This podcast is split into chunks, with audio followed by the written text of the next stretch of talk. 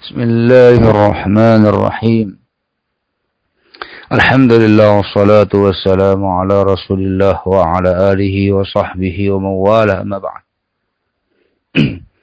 Ini adalah majelis yang ke-23 dari majelis Ramadan.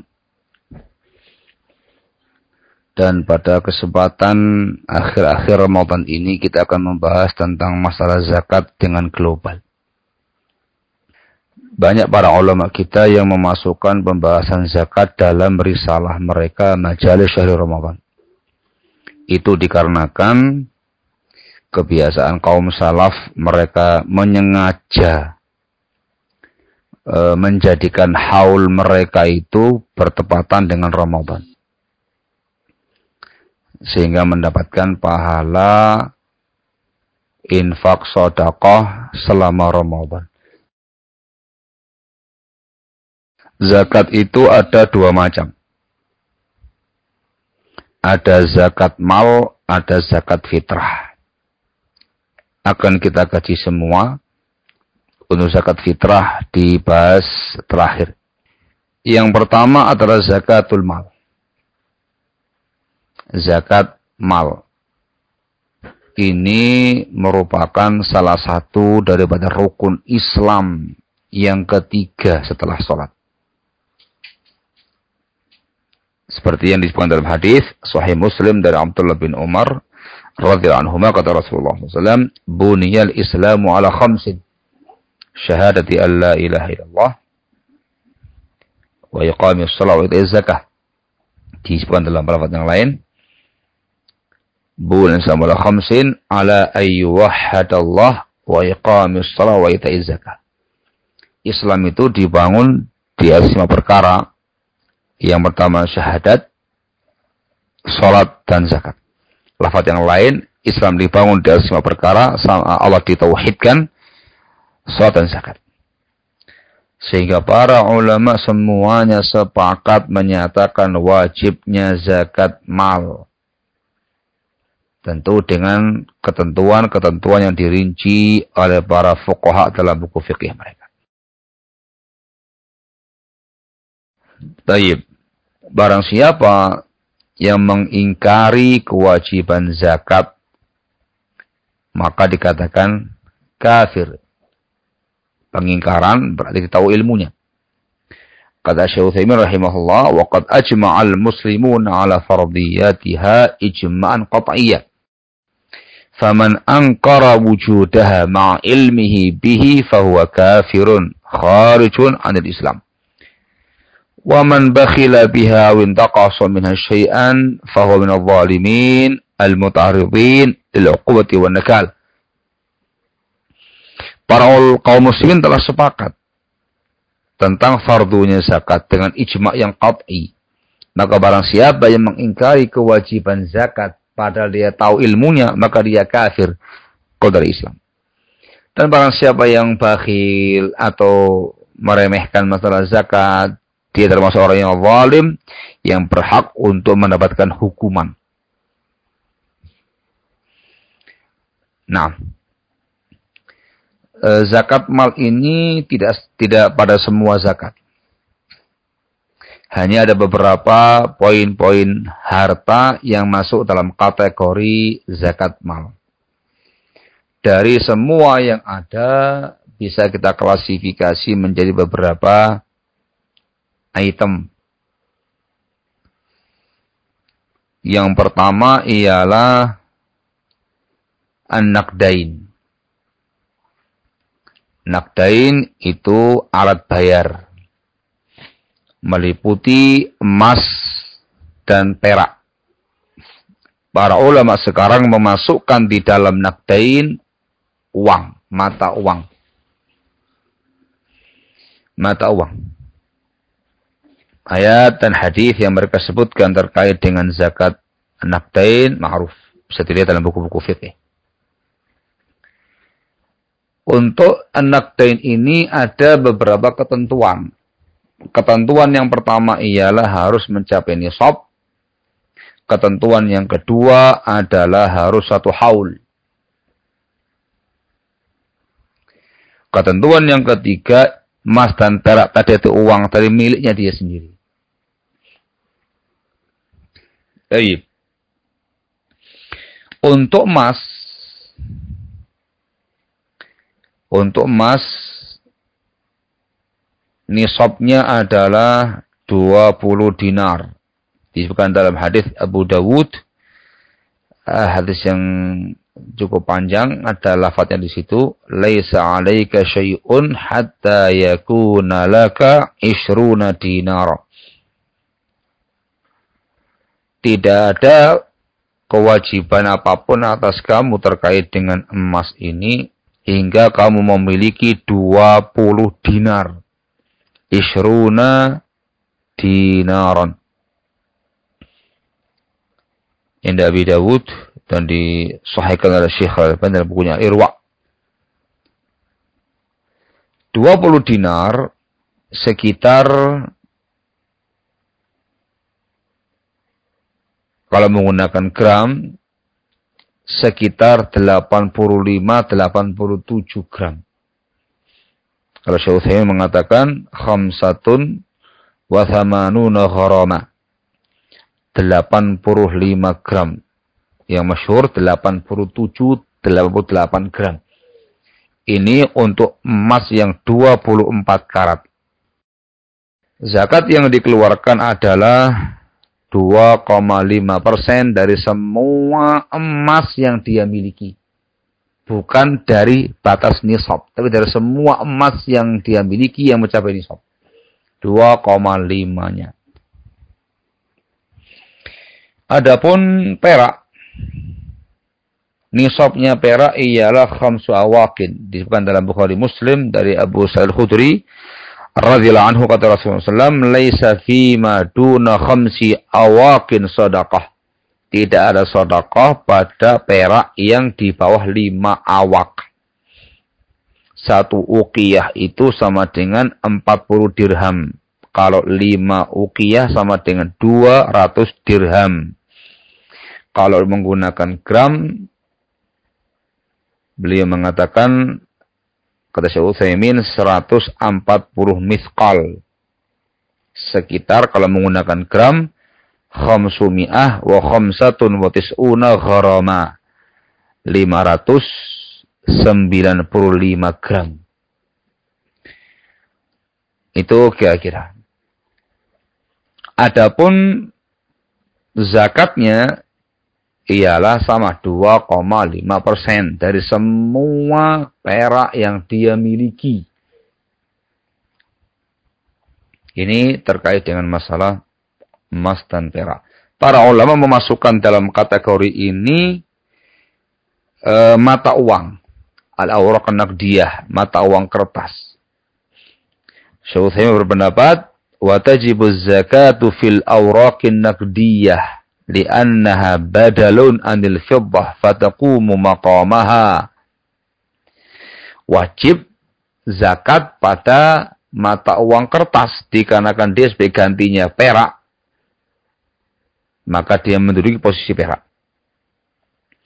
Ada khilaf di kalangan para ulama terkait dengan nisabnya mata uang kertas ini. Ada yang mengatakan nisabnya adalah perak.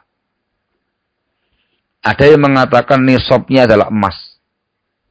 Ada yang mengatakan nisabnya adalah adna nisabain. Yang paling kecil dari dua nisab yang ada. Kalau harga perak itu yang paling murah, maka menggunakan nisabnya perak. Kalau harga emas yang paling murah, maka menggunakan nisabnya emas. Khilaf di kalangan para ulama. Saya pribadi lebih condong pada pendapat yang mengatakan emas. Dikarenakan beberapa alasan di antaranya adalah kalau emas ini harganya stabil. Harganya stabil. Bagi mereka yang berpendapat yang, yang lain, tafadhol. Khilaf kita toleransi dalam perkara yang seperti ini. Maka kalau menggunakan nisabnya emas, nisabnya diperhatikan dan haul diperhatikan. Ketika dia sudah memiliki uang sejumlah 85 atau 87 gram emas 24 karat. Kalau sekarang emasnya 500 ribu atau lebih, ya sekitar 50-an juta. Sekitar. 50-an juta, ketika sudah memiliki harta 50 juta, tandai, sudah mencapai nisab. Ditunggu satu haul ke depan. Ketika satu haul ke depan, ternyata uang yang dia miliki masih 50 juta atau lebih, maka dikeluarkan 2,5 persen dari semua uang yang dia miliki. Bukan dari 50 juta. Termasuk yang dizakati adalah piutang-piutang kita. Dihitung itu. Piutang emas, piutang perak, piutang e, mata uang. Kalau piutangnya tadi piutang yang berjalan. Bukan piutang yang macet. Kalau piutangnya macet, gak ada zakatnya. Kalau kata Allah pada waktu yang masa akan datang orangnya bisa membayar, maka bayaran tadi dikeluarkan zakatnya satu kali. 2,5 persen dari semua piutang yang macet tadi itu. Sekali saja. Begitu pula eh, ketika apa namanya piutangnya pada orang yang mampu membayar, tetapi dia mematil. Mematil itu orang yang suka nunda, nunda, nunda, susah ditagih. Namanya mematil. Dia volim. Tapi itu realnya kita nggak bisa mengambil uang kita dari dia kan dia mematil. Tidak ada zakatnya. Dan ketika dia membayar hutang-hutang dia kepada kita, maka dikeluarkan satu kali 2,5 persen dari semua harta yang dia bayarkan. Nah, hanya ini. Adapun barang-barang berharga yang lain selain emas dan perak dan mata uang nggak ada zakatnya. Ada khilaf di kalangan para ulama terkait dengan zakat emas perhiasan. Bisa dilihat dalam pembahasan para fokwa terkait dengan masalah ini. Termasuk item yang terkena zakat adalah bahimatul an'am. Hewan-hewan ternak. Meliputi al-ibil, onta, al-bakar, sapi, meliputi sapi dan kerbau, kata para ulama. Al-ghanam, meliputi kambing, bisa ma'iz atau ba'n. Ya, dua-duanya masuk. Ini yang disebutkan di dalam dalil. Hanya tiga ini. Selain tiga itu tidak ada zakatnya. Tidak ada zakat pada uh, apa namanya kuda atau yang lain-lainnya tidak ada. Yang ada hanya bahimatul an'am. Ada ketentuannya. Ketentuan yang pertama mencapai nisab. Ketentuan yang kedua satu haul sebagaimana nakdain. Ketentuan yang ketiga ialah saimah. Dan saya jelaskan insya Allah saimah. Terkait dengan nisabnya onta, lima, minimal dan lima. Nisabnya sapi adalah 30. Nisabnya kambing adalah 40. Rinciannya lihat di buku-buku fikih dibahas oleh para ulama eh, buku-buku fikih sekarang ulama sekarang membuat tabelnya eh, apa namanya disebutkan nisabnya dan berapa yang dia keluarkan sesuai dengan jumlah hewannya. Sekian, maka sekian, maka sekian, maka sekian. Dirinci semua dalam buku-buku fikih. Kemudian haul. Kalau sudah mencapai nisab, ditunggu satu haul ke depan ketika sudah mencapai haul dan masih nisab maka dikeluarkan berapanya dirinci oleh para fuqaha sesuai dengan jumlah hewannya baik pada onta atau sapi atau kambing.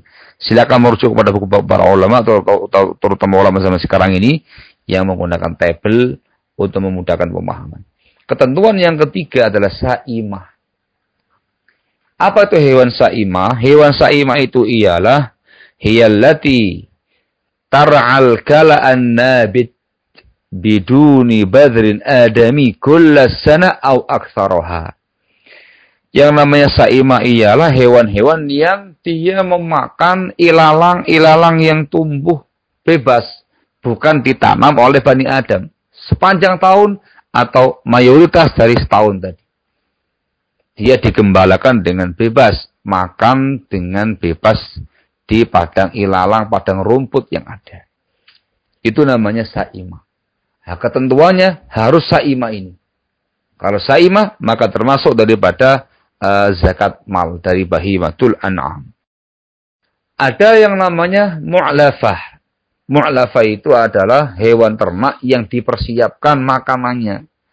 Ah, apa namanya uh, orangnya tadi harus ngarit, nyari rumput segala macam jauh, kemudian dibawa ke kandang dikasih makan, atau dia harus menanam rumputnya, kemudian dikasihkan kepada uh, hewan ternaknya.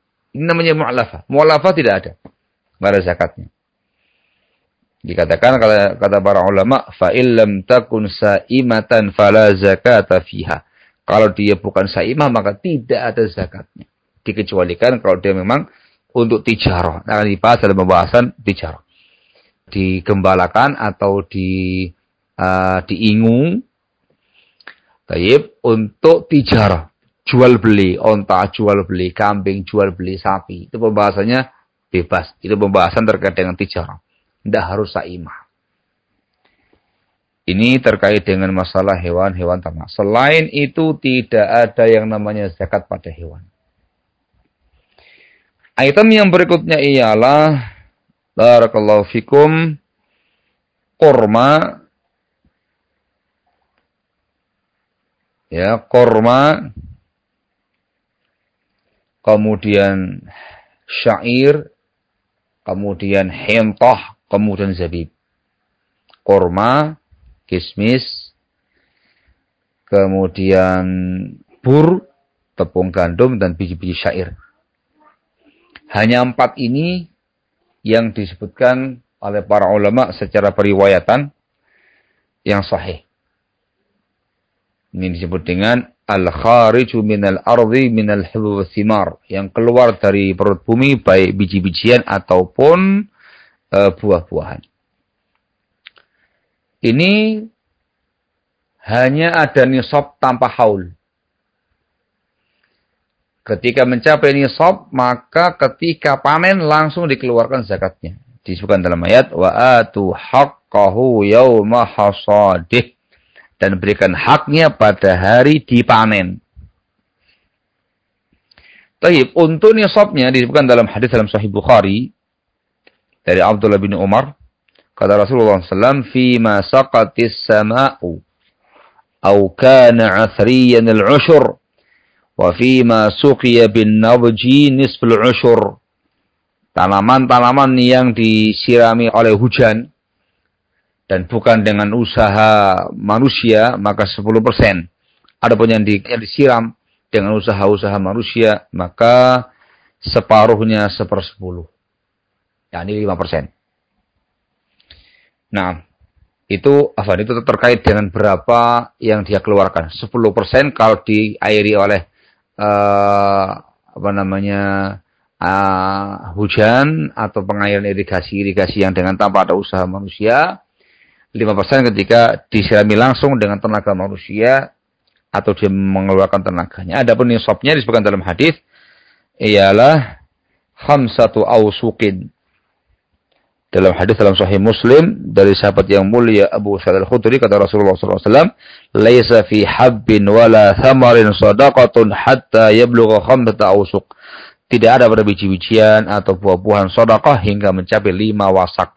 Satu wasak sama dengan 60 sok. Nah, kalau lima wasak sama dengan lima dikalikan 60, 300 sok. 300 sok satu sok sama dengan empat mut. Satu mut sama dengan e, dua sepenuh dua telapak tangan orang yang dewasa. Nah, kalau menggunakan ukuran bur, tepung gandum yang bagus, kata Syekh Utsaimin, situmi'ah wasnai asyara kilo, 612 kilo. Antara itu. Nah, itu terkait dengan nisabnya. Kalau sudah mencapai nisab atau lebih, maka langsung dikeluarkan ketika panen 10% bagi yang pengairan e, alami, 5% bagi yang pengairan dengan usaha manusia. Selain itu tidak ada yang namanya zakat. Tidak ada zakat pada buah-buahan. Tidak ada zakat pada sayur mayur. Tidak ada zakat pada yang lain. Tidak ada. Tidak ada zakat pada madu. Tidak ada. Semua harus dengan nas dalil. Ini terkait dengan masalah buah-buahan atau biji-biji. Hanya empat item saja yang disebutkan tadi. Yang terakhir ialah tentang, tentang masalah tijarah. Untuk masalah tijarah ini nampaknya harus dibahas secara khusus dikarenakan banyak dari teman-teman kita yang belum bisa memahami tijarah dan bagaimana cara menghitungnya. Insya Allah akan kita bahas pada kesempatan keesokan hari khusus tentang masalah zakat tijarah insyaallah taala eh, apa yang harus dihitung, apa yang enggak dihitung. سبق منفعات والحمد لله رب العالمين سبحانك وبحمدك أشهد أن لا إله إلا أنت أستغفرك وأتوب إليك